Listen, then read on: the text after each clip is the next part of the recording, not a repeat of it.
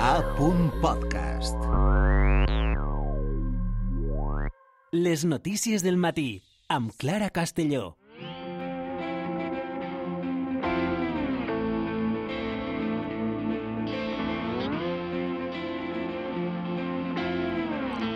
Em diuen Olau, tinc 16 anys i estudié primer de batxillerat en la modalitat d'Humanitats. Em vaig mudar a Sueca fa un parell de mesos. Soc nou en aquest institut, però per sort ja tinc una colla de bons amics. També vindran a l'intercanvi, així que te'ls presentaré. T'encantaran. Són alegres, divertits i molt de la broma. M'agrada eixir de festa, els esports i la música. Toque la guitarra i un poc el piano. Tinc moltes ganes de visitar Berlín. Esta és la carta fictícia que li envia Olau a la seva companya d'intercanvi a Alemanya. Helena Tamarit, com estàs? Molt bé, Clara. Comencem els minuts de tenir memòria. Sí, Olau també és un xic amb una tristesa molt gran dins que no sap ben bé com gestionar. Li costa verbalitzar el que va sentir en perdre Mm, no, no, no ho diré. No, no ho facis perquè contaries un moment clau en la vida del protagonista de l'última novel·la juvenil de Sembra Llibres, Més enllà dels murs, es titula. Sí, a Olau és, li agrada molt la poesia, és indecis, despistat, insegur i sensible, tot i que li dona molta ràbia que l'etiqueten d'aquesta manera. Les seues amigues són Elga, Anaïs i Blau, les rastaflautes que diuen els fatxes d'Adrià i Héctor. Van al col·legi Joan Fuster de Sueca i encara no saben que a pocs carrers va viure Virtudes Cuevas. Van haver d'anar a Alemanya per a descobrir-ho. L'alcoiana Mercè Climent és l'autora d'este llibre. Mercè, molt bon dia. Com estàs? Encantadíssima d'estar així. Uh -huh. Esta història, en la que ara aprofundirem, va començar per esta cançó. Sentim un segonet. treballar, un pla modest, cap ornament, la teua història, com un calfred, un passat orgullós, viscut i sofert, un got de vi, un plat de calent, una vida d'urgències, besos i arraps, entre famílies... Conta'ns què hi ha darrere de Més enllà dels murs. Eh, aquesta novel·la naix d'un encàrrec o d'un repte de, de l'editorial Sembra Llibres, i bé, per si no sabeu, Xavi Sarrià forma part de, dels editors de Sembra Llibre. I ell va fer aquesta cançó que està sonant, que es diu Causa, i en algun moment del videoclip apareix unes mans mostrant una foto, que és la de Virtudes Cuevas, també apareix Francesc Caura, que és, que és d'Alcoi com jo, Neus Català i Antoni Guardiola, i tots ells són deportats als camps d'extermini nazi, i Xavi Sarrià ho mostra ahir d'una manera que, que falta com saber la història d'aquestes persones i van pensar els editors de Sembra que estaria molt bé indagar en la història de, de Virtudes Cuevas perquè realment no, no és tan coneguda com altres presoners nazis com puga ser Neus Català perquè ella va ser molt més discreta després en la seva vida. I d'ací naix la, la història d'Olau que estàveu comentant perquè com diu Xavi Sarrià tenim una causa, una guerra oberta i és una guerra de tots. I el que hem pretès amb aquesta història és que la gent jove conega el cas de Virtudes Cuevas i, i ja saben que fent un viatge a la memòria és la manera que ens permet avançar d'una manera saludable. Ja no estem nosaltres, però la sentim una miqueta, veritat? Clar. Hem mm -hmm. rescatat uns fragments molt breus de Virtudes Cuevas, formen part del programa Valentes d'esta casa, gràcies a la sessió que va fer la televisió de Sueca. Quan estudiava de mestra, que jo he estudiat així en Sueca, ya era un, un poquito rebelde. No. Jo personalment tot el que podia copiava les lliçons perquè mon pare no es gastara diners en els llibres i molts llibres els, els tenia tots escrits perquè tenies amigues que estaven estudiaven en companyia meua i jo deia, tu ja has estudiat la teua lliçó? Sí. Ai, Ens contes qui va ser esta veïna de Sueca? Doncs Virtudes Cuevas eh, va néixer a Sueca, com tu has dit, i venia d'una família molt humil. De fet, com ella mateixa conta, ella volia estudiar medicina, però al final es va tindre que conformar en ser mestra. I va ser una dona d'esquerres, de, molt lluitadora, eh, i no, mai no es va conformar en tot el que la història li, li va donar. Llavors, pronte, pronte, ella se, es fa miliciana de les, de les joventuts socialistes quan està en Madrid, quan ja obtés una plaça, també s'alista el cinquè regiment, no? una unitat militar formada per voluntaris de totes les classes socials perquè aspirin a una societat molt més justa. I clar, quan, quan la, eh, Franco va avançant i els republicans perden posicions, doncs a ella li toca, és obligada a exiliar-se a França. I a partir d'ahir ella viu un calvari, un autèntic calvari, des de passant per camps de, de, bueno, de, de refugiats fins a lluitar a favor de, de les de, de França no? i en contra de, del nazisme és, de, és deportada a moltes presons, viu, viu un calvari fins a acabar en el camp d'extermini de Ravensbrück. No? Mm. Hem parlat amb Amalia Rosado, ella és periodista, doctora en Gènere, Història i Producció Cultural, ha fet una tesi que aborda la deportació femenina espanyola i també és autora del llibre Virtudes Cuevas, una superviviente del campo de concentració alemany de Ravensbrück, editat per publicacions de la Universitat Jaume I, i ens contava això pues precisament dones convertudes no sols lluitar en una guerra, sinó en dos, i a més consecutivament. I per altra banda, hi ha que tenir en compte que la seva deportació no va ser fruit de, de l'atzar, precisament. Va tindre les seues arrels en l'exili forçat al que foren someses totes aquestes dones per a fugir de la repressió espanyola tras la victòria franquista. Les deportades de Hitler majoritàriament foren les exiliades de Franco. En segon lloc, encara que les nostres deportades també contribuïren a la derrota del nazisme en Europa, mai se les va reconèixer veritablement el seu paper com a protagonistes, perquè es va obviar el seu esforç per ser dones. Fa uns anys, quan estava documentant-me per a fer-li el llibre de la, de la biografia de Virtudes Cuevas, vaig entrevistar a, a la Neus Català, que va ser la seva companyera de deportació en Ravensbrück, i ella en dia que les grans medalles i les representacions foren per, per a ells, per als homes, i per a elles la lluita en altres condicions. I això no és estrany perquè la guerra sempre s'ha considerat patrimoni de l'home Eh, Mercè, esta és una de les poques fonts de, de documentació que podem trobar sobre, sobre virtudes. Ha estat clau eh, també per a tu per a poder-te documentar per a, per a esta novel·la, perquè tampoc deies adés, no?, que Virtudes havia portat una vida més discreta, no?, probablement que, que Neus. Però... Sí, la veritat és que el prim, la primera font d'on vaig veure va ser la, la, aquest llibre d'Amàlia Rosado, que la veritat per aprofundir en, en Virtudes Cueves és clau, no?, és el que em va donar, la veritat, tota la, la informació. Després vaig llegir moltíssims llibres, però aquest va ser el, el fonamental. Eh, també bueno, a la casa heu fet un programa també, Valentes, uh -huh. dedicat a Virtudes Cuevas, que també em va servir.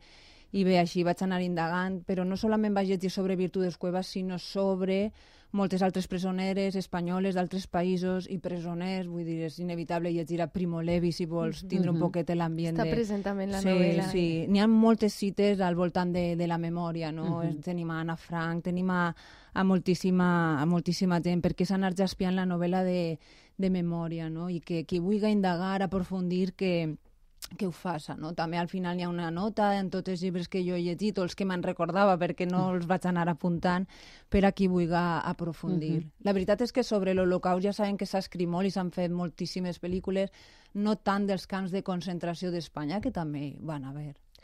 Hi ha una frase que ens agrada molt del llibre, que és la història de Virtudes Cuevas és metonímia de tantes altres històries en minúscula i de la història en mayúscules. No obstant, de Virtudes en sabem massa poc eh, jo crec que... És eh, important sí. tant la història en minúscules com sí, en mayúscules. Sí, efectivament. Això és, és una, una pena que hagis d'anar ja a algun llibre especialitzat per a saber sobre ella i que realment a mi quan em van fer l'encàrrec sembrar llibres jo no havia sentit parlar mai de Virtudes Cuevas i això la veritat és molt greu perquè sí que havia sentit parlar d'altres presoners no? i és una llàstima que tenint-la tan a prop no, no li fem cas, no li donem veu i ni tan sols ella quan va morir la seva casa del carrer Magraners de Sueca ella el, en el seu testament va dir que la donava l'Ajuntament perquè es fera una casa museu uh -huh. per, a, per a rememorar a totes aquelles víctimes i tants anys després la casa està tancada. Vull uh -huh. dir, tampoc n'hi ha un nom de carrer, ni un nom d'una biblioteca, ni una escola. Vull dir, n'hi ha una placa en la façana i n'hi ha una escultura, uh -huh. però jo crec que encara queda molt, molt per fer. Uh -huh. Hi ha una pregunta que fa un amic d'Olau quan estan de viatge els alemanys estan obsessionats amb la memòria històrica. Com es pot avançar si no deixes de manejar sempre la mateixa merda? Quin rerefons amaga aquesta pregunta, Mercè? I què li contestaries a Clar, una persona que te la farà ara? La novel·la fa un poc un paral·lelisme entre la societat alemanya i la societat espanyola. És de veres que la societat alemanya, eh, bueno, Hitler va perdre la guerra, però es van tindre que fer una revisió i la van fer va costar algunes generacions, però de seguida es va fer una llei de memòria -huh. històrica. I així en el nostre país no ha passat això, costa moltíssim, els partits es divideixen quan això hauria de ser algo unitari, no? que tots anarem a la, a la mateixa. No? Aleshores, en Espanya encara tenim molt de camí. Què passa? Que això són discursos que el nostre jovent s'apropia, diu això per a què va, l'oblidem i avancem. Són discursos fàcils en els quals no volem aprofundir i, i això no beneficia per a res a, a, la, a la nostra joventut. Vull dir, en Alemanya, en les escoles, això de la memòria, visitar els camps de concentració, jocs de memòria, això està a l'ordre del dia. I en Espanya encara costa. Jo quan jo estudiava a l'institut mai arribàvem al tema de, de la guerra civil, per exemple. Ara ja sí, no?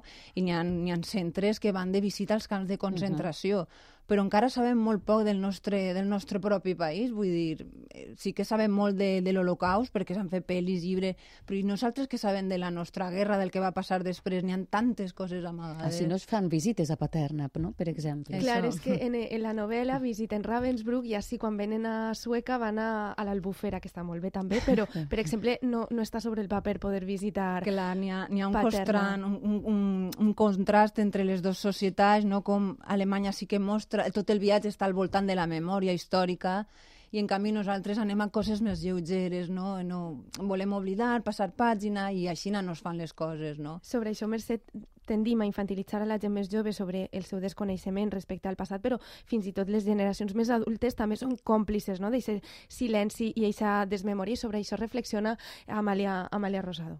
Una de les coses que primer em, me va cridar l'atenció és que com era possible que en el nostre país tot el món coneguera a Anna Frank i no coneguen a dones com Virtudes Cuevas i les seues com, companyeres de deportació, quan totes visqueren el mateix infern en els camps nazis. I el més sorprenent és que Increïblement, en el seu poble, jo ho sé perquè compartisc arrels en ella, ja que les nostres famílies són de Sueca, quan jo vaig escriure la, la seva biografia i preguntava entre el veïnat eh, sobre Virtudes Cuevas, poqueta gent coneixia la seva història. La, la història de les, de, de les deportades espanyoles ha sigut una història amagada conscientment, possiblement per a, per a ser, una, per ser una, una veritat massa incòmoda. Aquestes dones no pogueren tornar a, a la seva terra fins la mort del dictador Franco, però quan ho feren no van tindre reconeixement, ni cap reparació, ni honor. A més, n'hi ha que tindre en compte que la història l'escriuen els, els vencedors i ma majoritàriament també eh, està escrita per homes.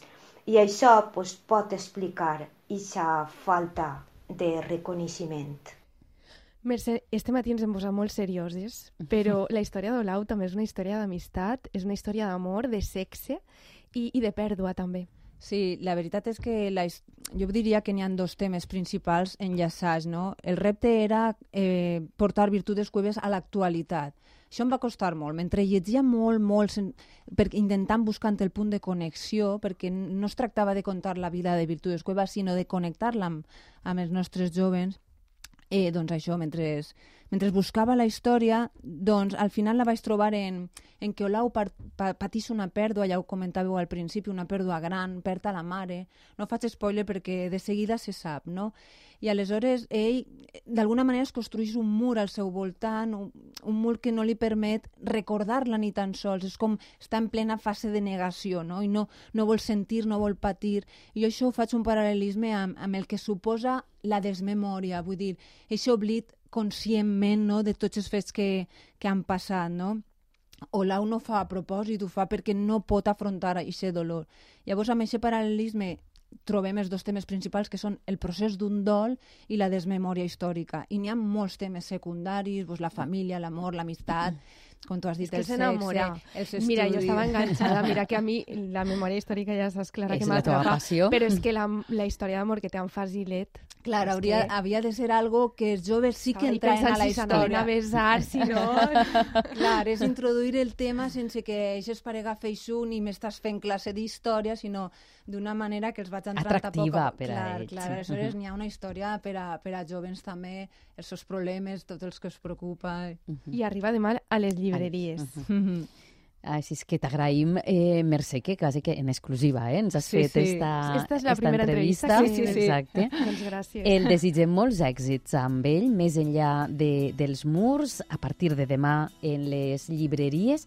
No sé si podem sentir fins i tot així per acabar, més claret amb esta música, un últim tall de, de Virtudes. Vinga. Recordem la, la veu de Virtudes, a qui va dedicat a ella i a, i a tantes altres eh, víctimes de- d'este genocidi, este llibre. Gràcies per haver-nos acompanyat i, com el dèiem, molts èxits.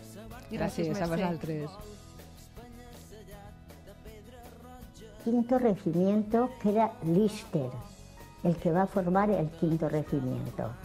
Y allí en el quinto regimiento s'apropià d'eixe convent, que exactament jo no puc dir-li el nom en Madrid on, on era, però era un convent de monges eh, que eren de claustro, eren de tancades per allí. I, i allí pues, farem una casa cuna. D'eixir del camp tenia que ser així, o un patró, que, que això ho tenia